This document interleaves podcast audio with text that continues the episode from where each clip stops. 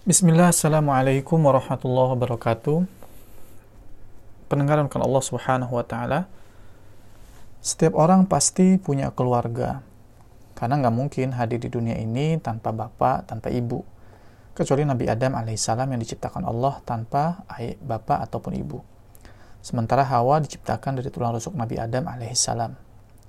Dan Nabi Isa alaihissalam diciptakan melalui ibu tanpa bapak kita semuanya lahir karena bapak dan ibu. Keluarga itu terdiri dari bapak dan ibu ke atas, kakek, nenek, dan seterusnya.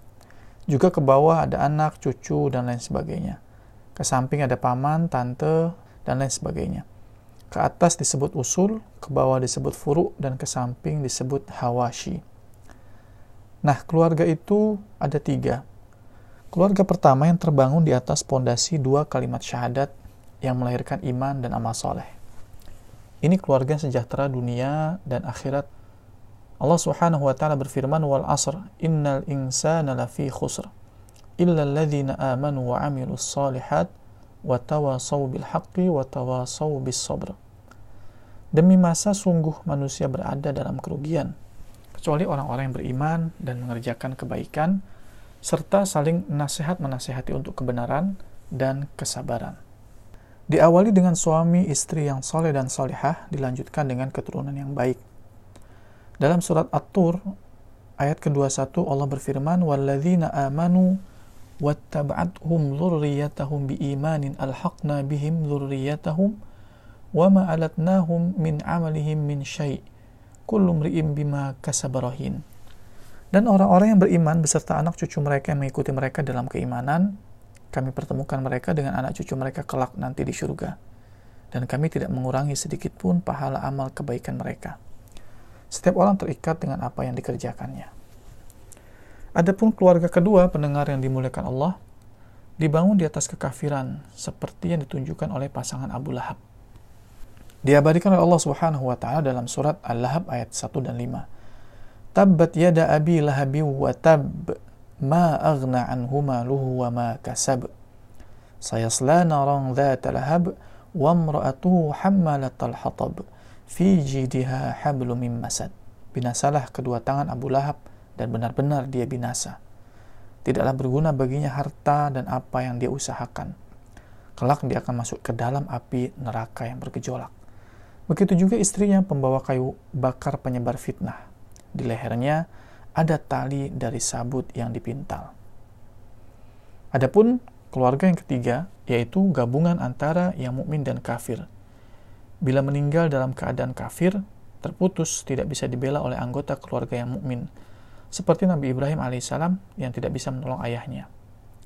Wa idh qala Ibrahim li abihi azara atattakhidhu asnaman alihah inni araka wa qaumaka fi dhalalim mubin.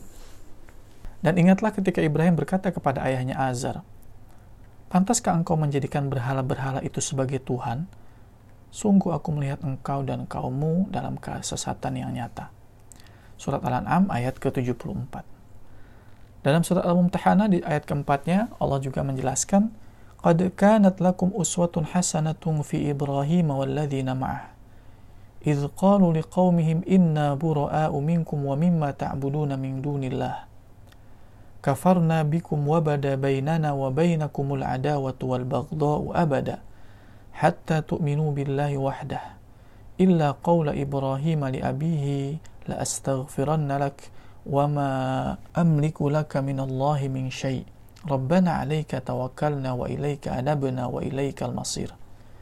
Sungguh telah ada suri teladan yang baik bagimu pada Ibrahim dan orang-orang yang beriman bersamanya Ketika mereka berkata kepada kaumnya, sesungguhnya kami berlepas diri dari kamu dan dari apa yang kamu sembah selain Allah.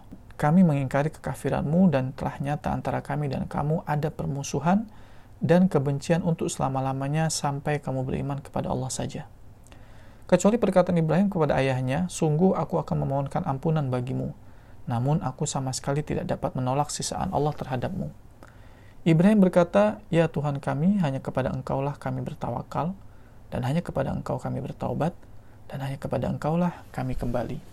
Jamaah yang dicintai Allah, kewajiban bagi kepala rumah tangga untuk menjaga keutuhan keluarganya agar tidak terjerumus ke dalam jurang api neraka. Diingatkan oleh Allah Subhanahu wa taala dalam surat At-Tahrim ayat ke-6, "Ya ayyuhalladzina amanu qu anfusakum wa ahlikum nara." وقودها الناس والحجارة عليها ملائكة غلاظ شداد la ya'sunallaha ma'amarohum wa yaf'aluna ma. Wahai orang-orang yang beriman, peliharalah dirimu dan keluargamu dari api neraka yang bahan bakarnya adalah manusia dan batu. Penjaganya terdiri dari malaikat-malaikat yang kasar lagi keras, yang tidak durhaka kepada Allah terhadap apa yang diperintahkan kepada mereka, dan selalu mengerjakan apa yang diperintahkan. Betapa bahagianya keluarga yang dikaruniai kesolehan, suami yang soleh, istri yang solehah, anak-anak yang berprestasi, juga soleh dan soleha, baik juga hafalan Quran, ya, memiliki tetangga yang baik, kawan-kawan yang baik, rezeki yang lancar, dan sehat jasmani serta rohaninya. Pandailah bersyukur atas karunia keluarga yang bahagia seperti itu. Wallahu ja'ala lakum min anfusikum azwaja wa ja'ala lakum min azwajikum banina wa hafadatan wa razaqakum minat tayyibat afa bil batili yu'minun wa bi ni'matillahi hum yakfurun.